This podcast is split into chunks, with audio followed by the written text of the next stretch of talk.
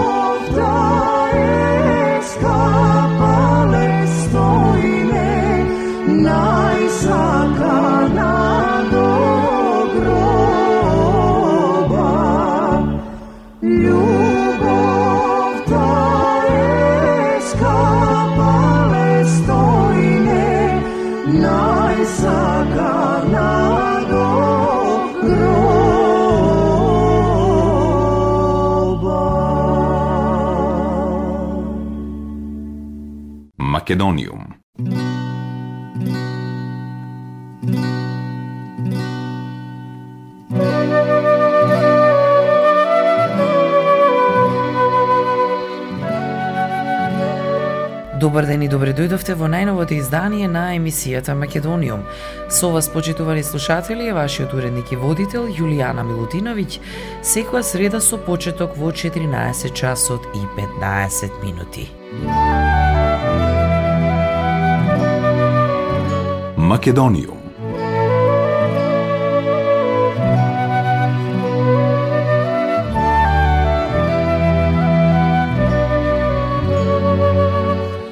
Настапот на рок бендот Црно собрание составен од ученици од Скопското средно училиште Никола Карев беше проследен со овации од белградската публика.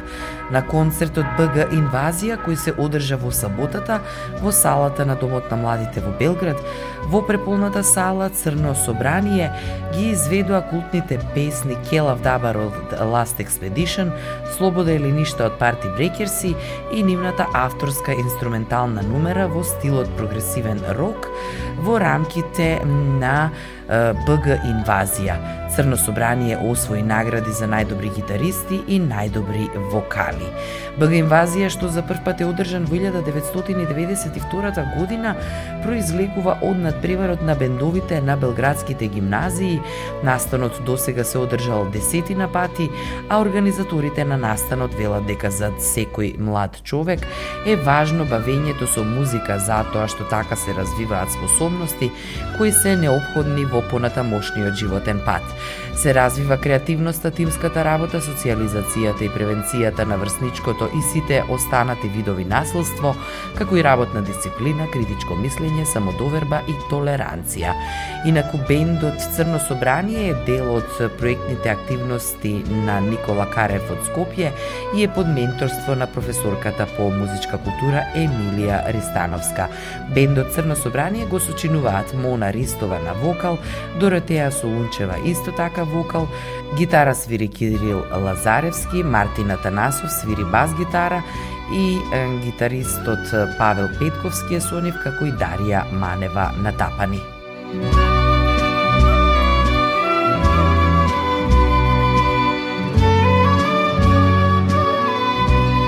Македониум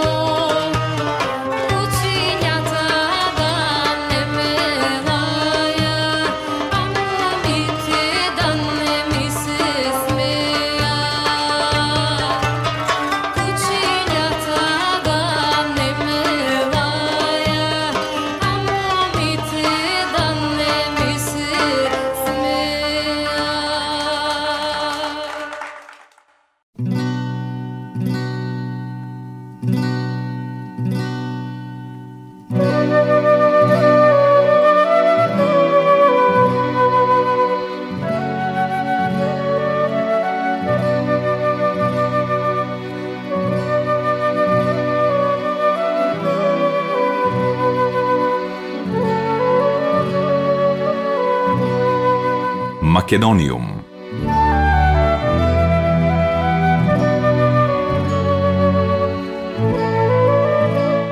Ликовната изложба на докторскиот уметнички проект на Драган Силјановски, насловена Боја во слоевите на меморијата, беше отворена во галеријата на Факултетот на ликовните уметности во Белград пред точно една недела.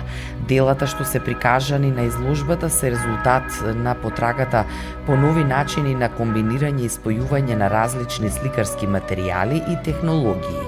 Ова се слики создадени во различни моменти, во занес, во сон, преградка, хаос, копнеж или во блаженство. Моменти во кои новото знаење се менува, со воспоставената перцепција. Со употребата на комбинираната техника сакав да евоцирам спомени кои ретко се јасна слика за светли бои и дефинирани форми, а почесто се нејасни контури во длабочината на умот и фрагменти од бои, кои што ги реконструираме низ спомените, вели Драган Силјановски. Сликите исто така се нејасни во контурите, каде што наблюдувачот е оставен да ја бара целината, гледајќи ги тие контури и да препознае некои од собствените искуства во нив и да повикува спомени, истакнува тој. Сликите се спои на многу различни слоеви материјал. Основата на сите дела е цртеж на натронска хартија со воведување на боја преку цртежи, почнувајќи од пигменти, акрили и завршувајќи со одредени синтетички бои кои се користат во градежништвото, доаѓа до основата за следната фаза на работа Драган Силјановски и вака подготвените дела ги има залепено на предена јута која се користела како носач за на тронот. Инаку оваа изложба ќе биде отворена до 7 март. Драган Силјановски е мајстор на фрескопис и мозаичар, кој е роден во 78 година во Смедерево, а живее во Белград. До дипломските и магистерските студии ги има завршено на Српската академија за уметности и конзервација во Белград, а инако е докторант на Факултетот за ликовни уметности.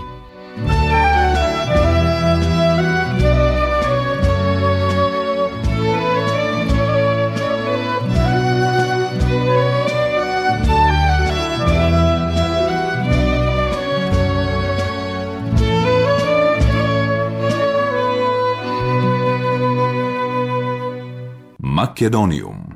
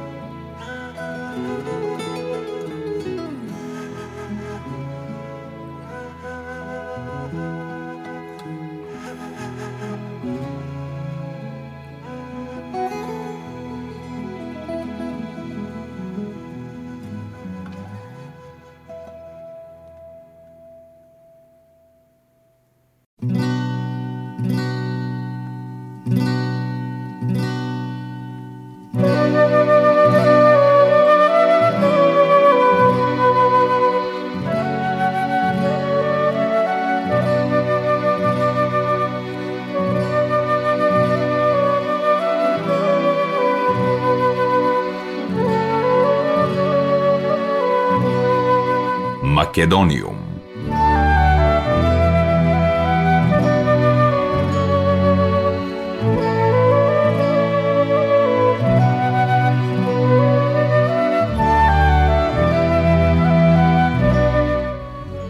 По Романија, Албанија, Белгија и Србија, Велес ќе биде центар на стрип културата во Македонија. Уметници, сценаристи, стрип теоретичари, професори, љубители на стрипот и гости од целата држава и Европа ќе имаат прилика да присуствуваат на отворањето на оваа изложба, закажана за петок со почеток во 20 часот во ликовниот салон во Велес. Изложбата Can for Balkans е составена од две тематски целини, од кои на првата се презентирани графичко-секвенцијални дела пристигнати на минатогодишниот меѓународен стрип конкурс на тема Балканот низ историјата.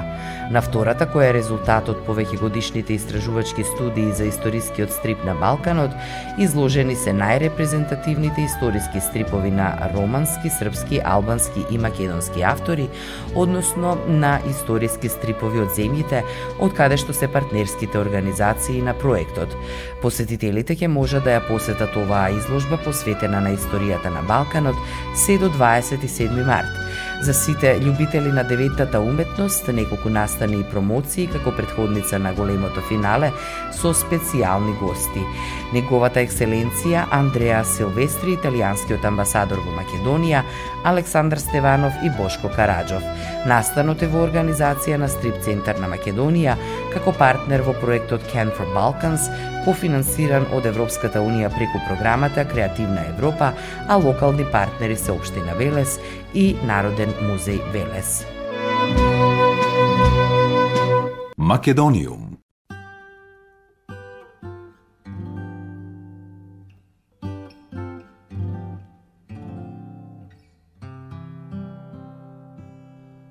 Кажи, кажи,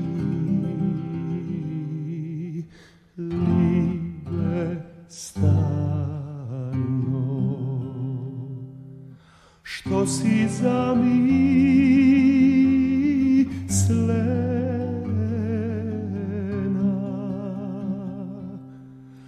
Dali ruba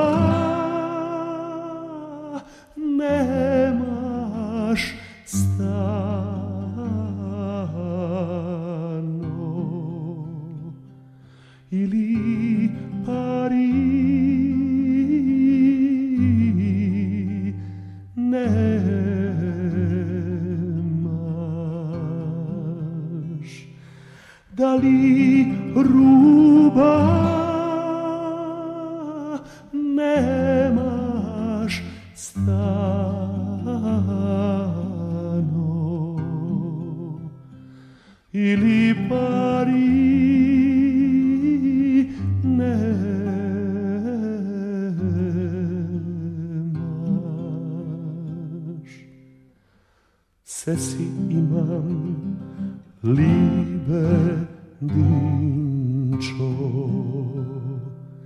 Само едно немам,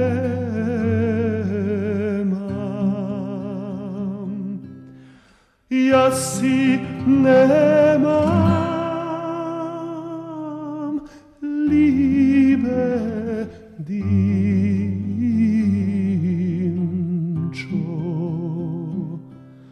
од срцето порода.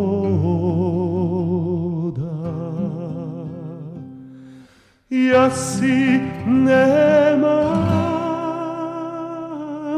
либе димчо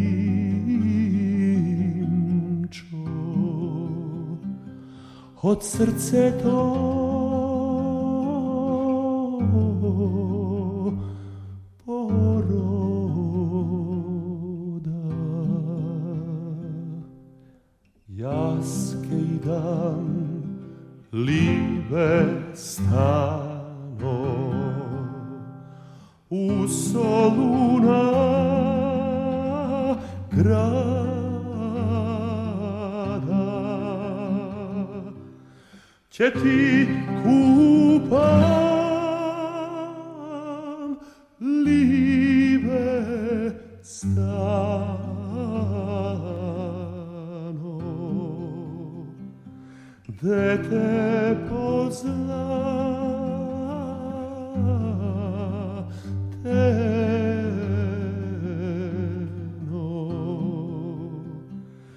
και την κούπα.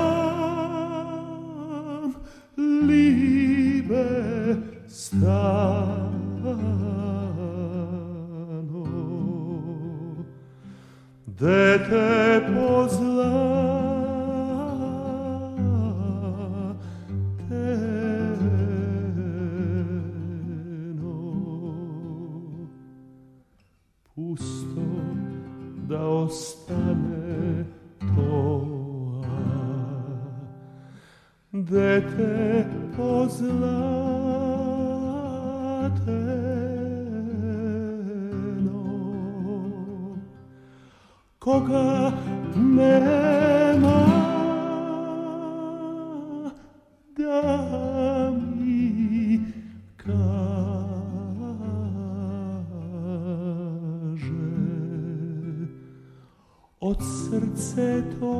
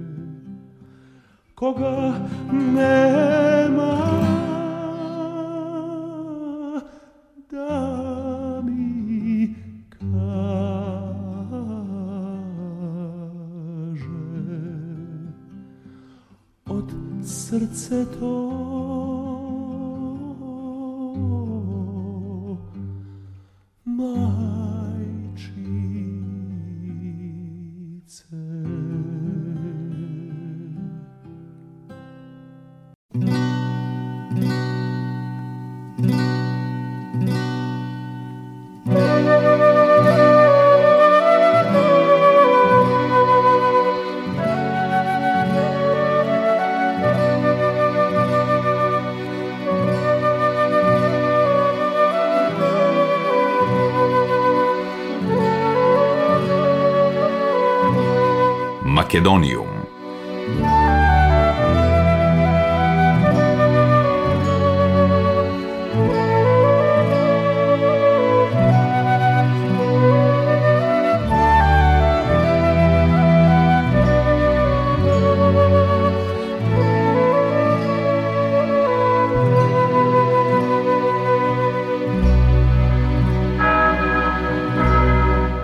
Во стаглената сала на најпрестижната концертна сцена во глобални рамки, Виенски Музик Ферајн, започнаа пробите пред светската премиера на оркестарската верзија на проектот Македонисимо на Симон Трпчески и пријателите, информира Културоп. Во аранжман на Пандев Шахов, бисерите на македонската традиционална музика на големата сцена на Музик Ферајн, на 2 март, односно утре, од 20 часот ќе ги изведе добро познатиот квинтет, во чиј состав покрај Трпчевски се и Александар Краповски, Александар Сомов, Хидан Мамудов и Владко Нушев, заедно со австрискиот Тон Куслер оркестар под диригентска палка на маестро Јутака Садо од Јапонија.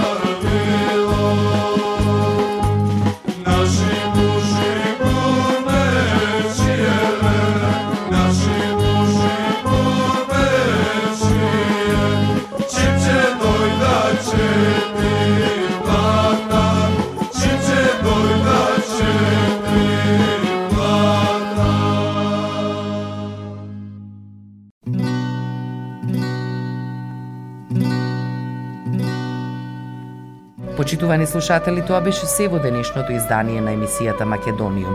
До следната среда во исто време срдечен и голем поздрав од вашиот уредник и водител Јулијана Милутиновиќ. Ја следевте програмата на македонски јазик, емисија Македониум. Главен и одговорен уредник Воин Поповиќ.